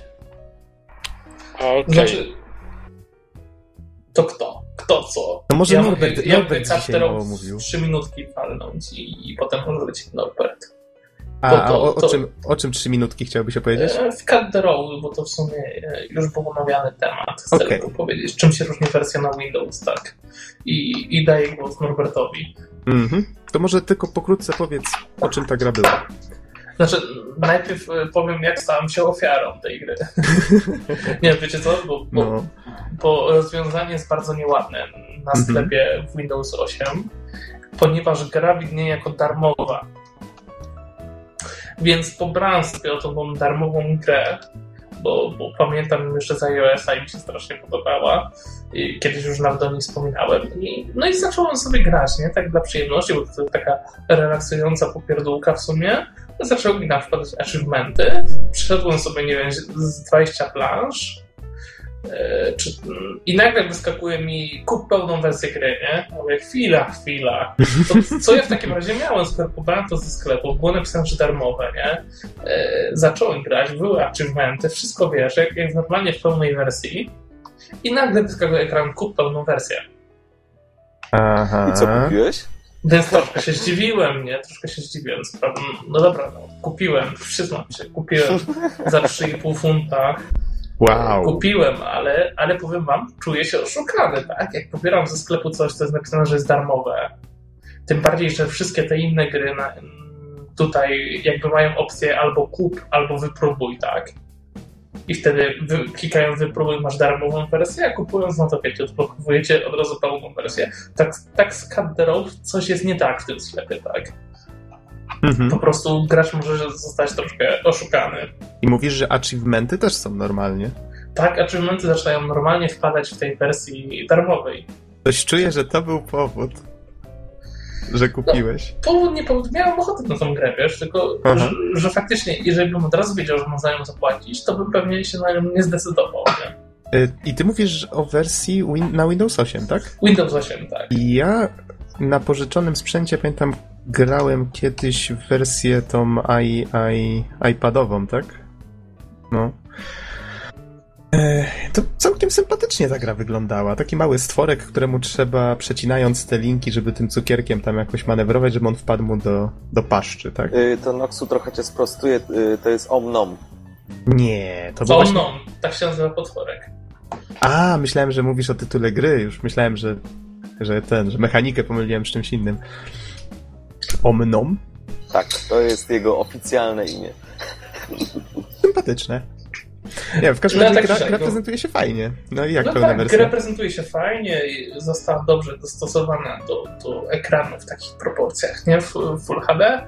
Aha. E, Wszystko wygląda naprawdę ślicznie, e, gra się fajnie. Generalnie dla tych, którzy nie grali, całość polega na przecinaniu w odpowiedni sposób linek, tudzież używania innych elementów rozmieszczonych na planszy, tak żeby nakarmić potworka cukierkiem, zbierając przy okazji jak największą ilość gwiazdek. E, Powiem, że, że są zawsze trzy gwiazdki na planszy i zdobycie wszystkich trzech e, na niektórych poziomach wymaga fajnego kombinowania i, i wykorzystywania dobrze elementów e, otoczenia i, i po prostu wiedzy na temat tego, jak co może zadziałać. Mhm. I, I to właściwie tyle na, na temat rozgrywki. Fajne jest to, że tych planż jest naprawdę sporo. To znaczy, tak pi razy drzwi? Y, Pi razy drzwi jest tam co najmniej y, ponad 200 poziomów. Mm, to nieźle. Ponad 200 poziomów, więc, y, więc jest co popykać, jest y, gdzie jakby pomasterować te gwiazdki. I to jest tak, że te poziomy się kończy tak na zasadzie każdy z nich parę sekund do, do paru minut, jeżeli chce się go wymasterować, tak? Tak, tak. Jest to taka raczej przyjemna rozgrywka. Kilka dni starczy na kilka fajnych godzinek po prostu takiej zabawy. Mhm. Yy, totalny relaks. Jeżeli ktoś jeszcze po prostu nie gra w Cut the Rope, to no, pojawiło się też na Windows 8, więc jeżeli nie macie jakiejś innej platformy, tabletów, smartfonów, to yy, dobra jest tak właśnie informacja, że można teraz zagrać to także na komputerze. Yy, Norbert się pytał, jak został rozwiązany multitouch. Otóż yy, nie pamiętam już dokładnie, jak to było na, na, na iPadzie. Mam tą grę też na iPada. Natomiast tutaj jakby nie ma żadnego problemu. Wszystkie operacje wykonuje się myszką, linki przecina się po prostu przeciągając yy, kursor, nie trzymając klawisz jednocześnie przez nie. Można wziąć dowolną ilość jednym pociągnięciem. Mhm. Chociaż faktycznie, wiecie co, to widać jednak to, że gra została wcześniej stworzona na, na ekran dotykowy, bo yy, czasem myszką jest troszkę trudniej wymanewrować w odpowiednim czasie pomiędzy punktami, na, na przykład, które chcemy przeciąć. Jednak jest ten moment, kiedy musimy jednak przejechać tą myszką z punktu do punktu, nie? No tak. E, tak, to, tak to możemy sobie położyć powiedzmy dwa, e, dwa palce na ekranie i o tyle wersja na, na, na urządzenia z dodatkowymi wyświetlaczami jest łatwiejsza. Dwa pady. E, Trzeba zaznaczyć, że ta wersja na Windows 8 oczywiście też działa na, na tych tabletach, tak, z Windows 8 już wtedy dotykowo. Mhm. A powiedz, a gdybyś, to już takie ostatnie pytanie, powiedz, czy jak ktoś miałby wybór, to na co byś mu polecał wersję? Na urządzenia Apple'a czy Microsoftu? Znaczy, przede wszystkim, jeżeli ktoś ma wybór, to nie kupi na iPada, bo od razu ma fajny ekran, a poza tym gra jest kilka razy tańsza, tak? Co by tu nie mówić, 24 zł, a 4 zł robi różnicę za ten sam produkt. Czyli na iPada kosztuje 4 zł? No, kosztuje dolara. Okej, okay, nie mam robi, więcej pytań. Więc, więc tak, tutaj to robi różnicę, więc jeżeli ktoś ma wybór, no chyba, że ktoś chce powiedzieć achievementy, to wtedy wybór jest oczywisty. Mhm. Okej. Okay. Panowie, rozumiem, że nie ma pytań? To ja w takim razie bym proponował, ze względu na to, że i Don, i ja chcemy o tej grze w końcu usłyszeć, Norbert. Super. Wiedziałem, że chcecie posłuchać o Galactic Rain. To jest naprawdę wspaniałe. Tak. A ten FTL... Szczerze?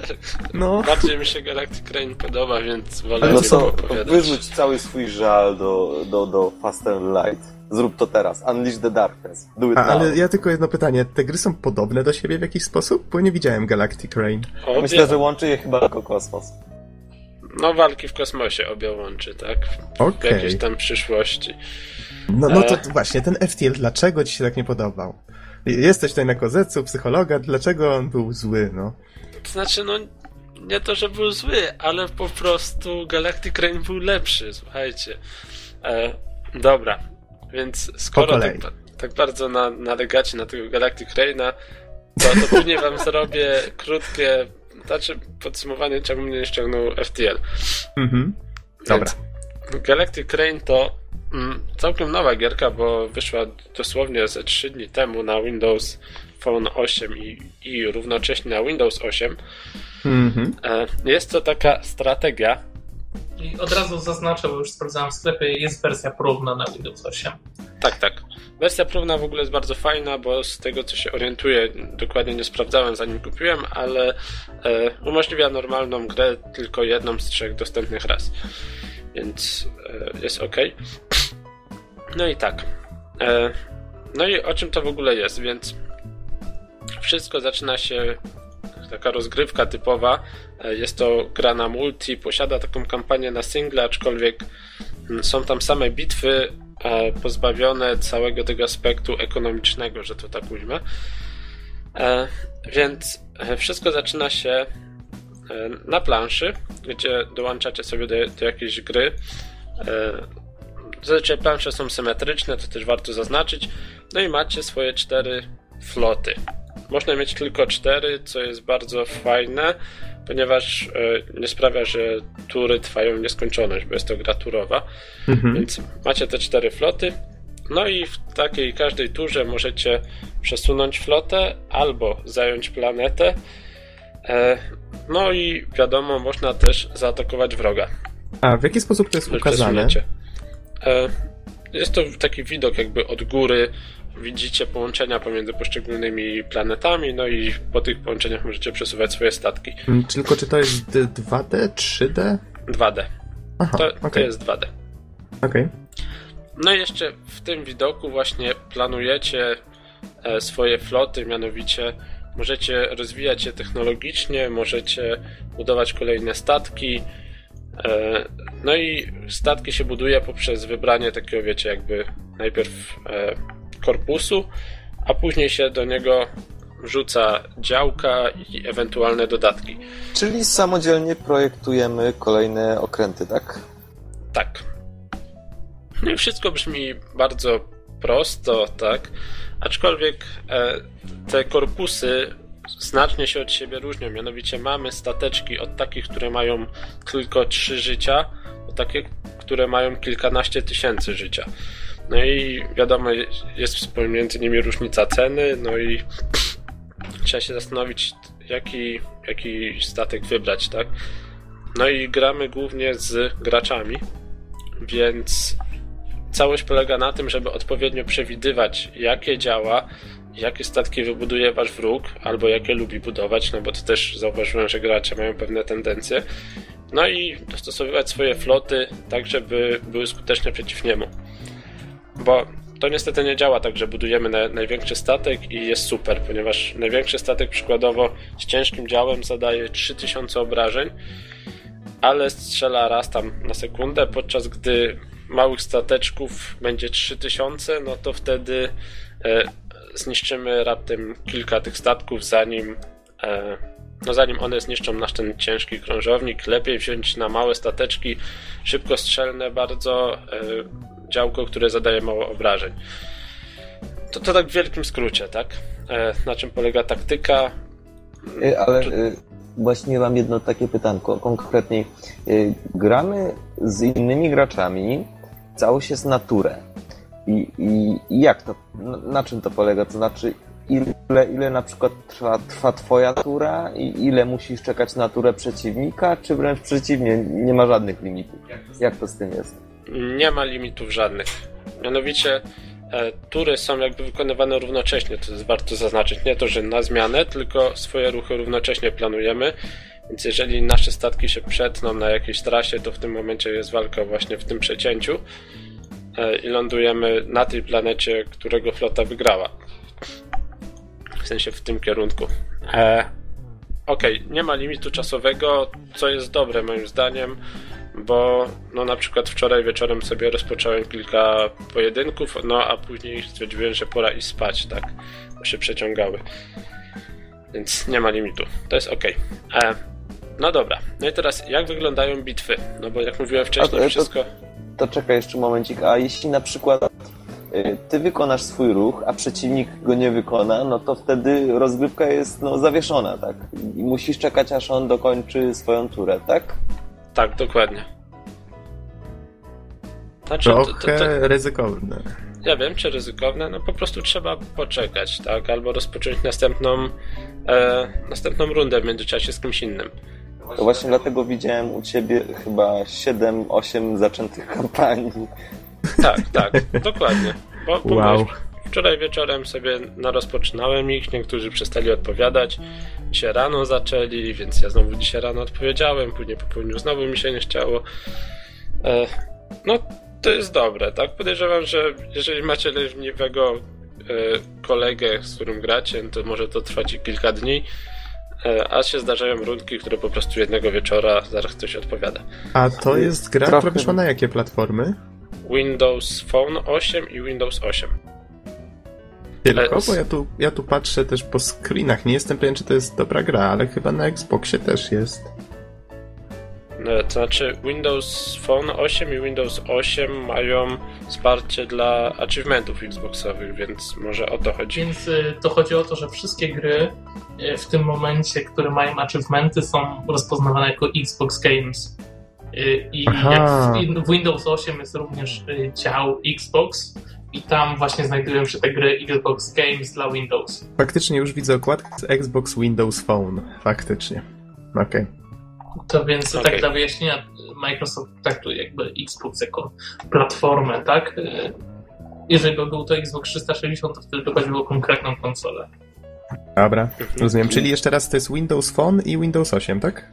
Tak. Okay. No jeszcze gra wspiera system powiadomień, zarówno na Windowsie 8, jak i na Windows Phone 8, więc jeżeli ktoś wykona swoją turę, to w tym momencie u mnie na komputerze i na moim telefonie wyskakuje takie powiadomienie, e, jest gotowa nowa tura.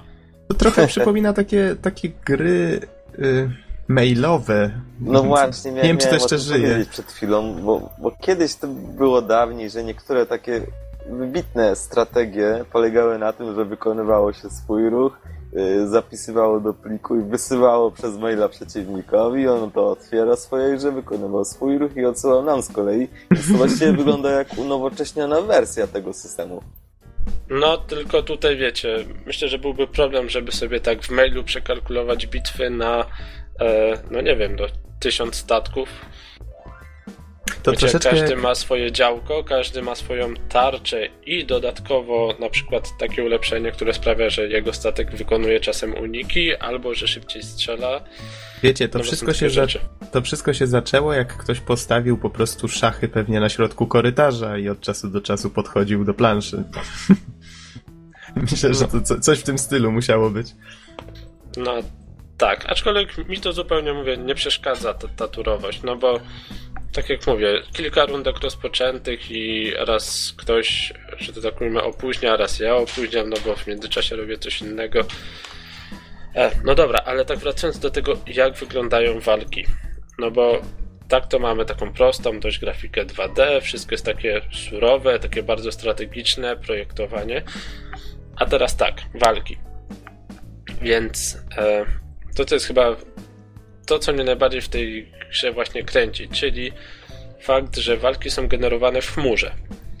Mianowicie, jeżeli działacie na swoim telefonie, tak, który no ma nie wiem jak dużo moc obliczeniową, powiedzmy umiarkowaną.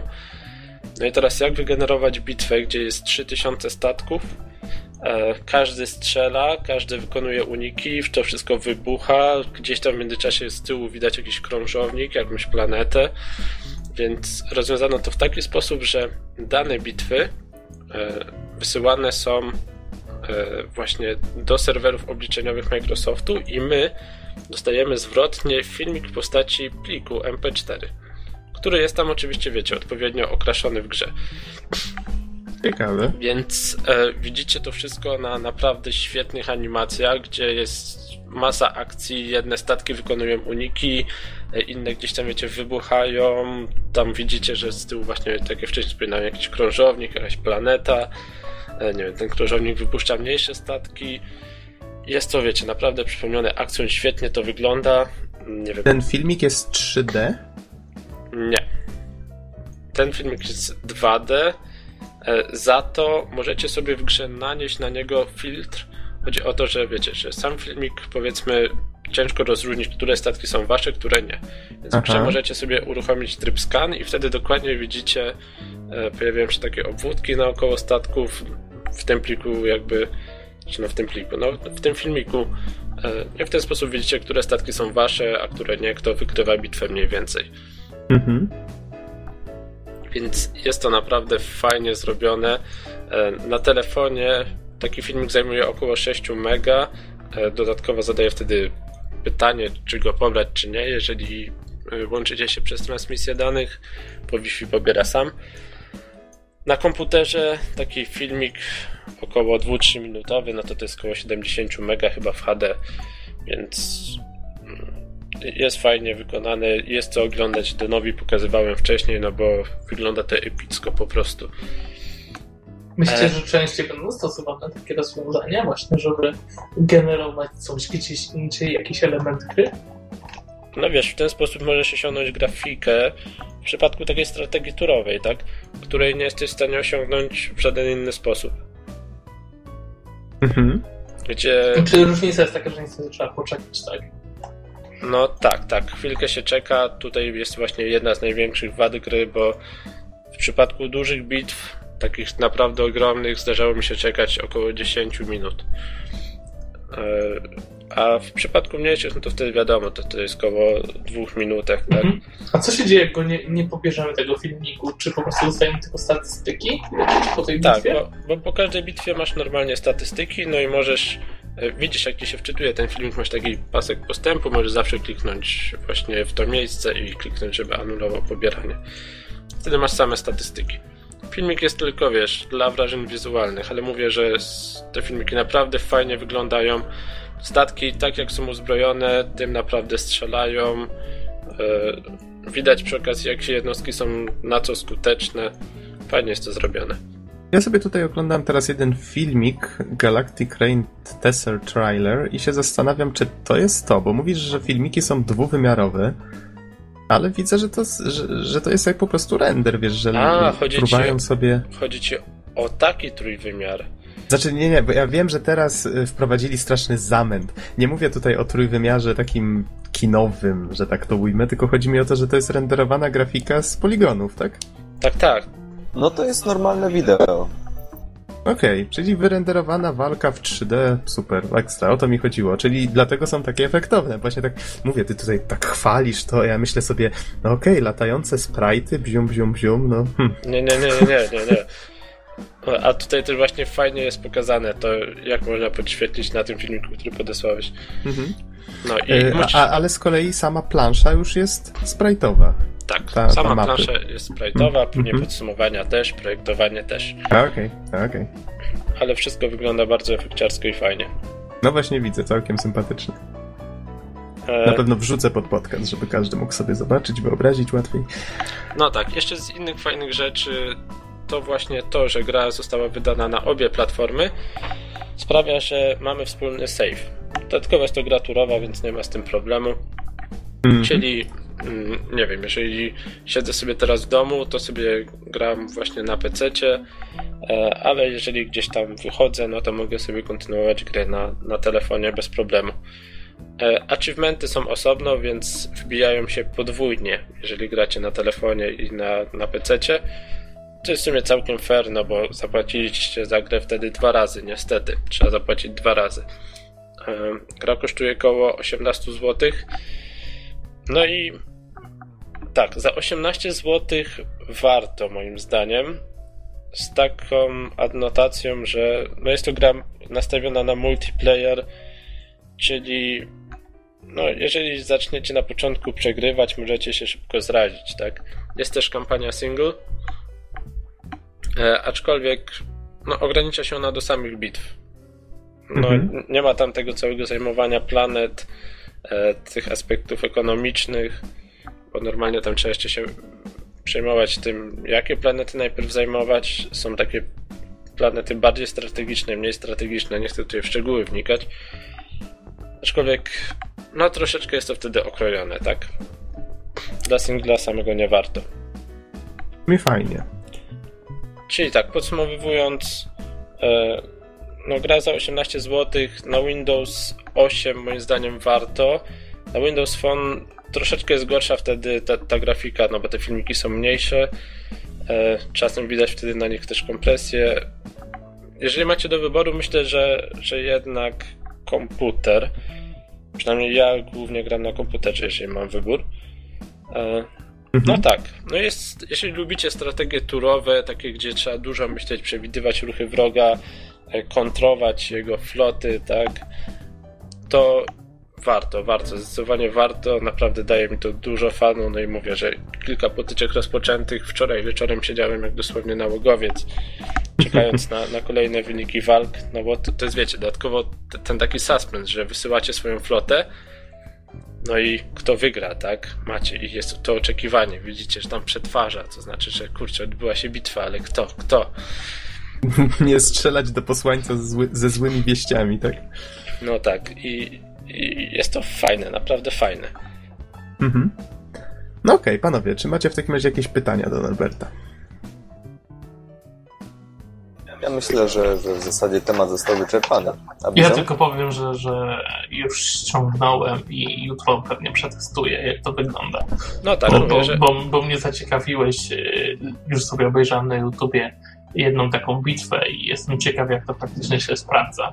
A, I jak mi się spodoba demko, to, to pewnie za te 18 zł też sobie sprawię jakoś w tym tygodniu. Jeszcze nie wspomniałem, ale na komputerze, na telefonie nie ma tej opcji.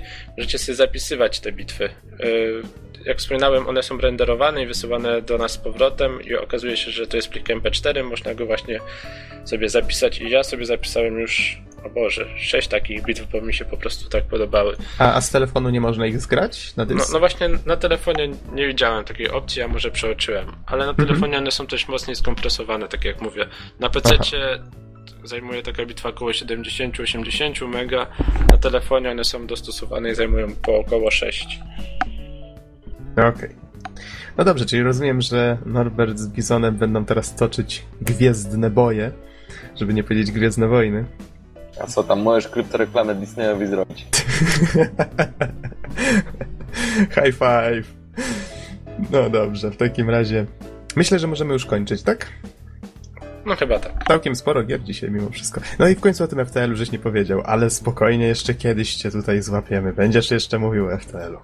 Zobaczysz. Szybciej niż światło się przekona, że to... Dokładnie. No dobrze, w takim razie dziękujemy wszystkim bardzo za słuchanie i do usłyszenia w następnym podcaście. Trzymajcie się. Trzymajcie Do się, usłyszenia. na razie. Na razie.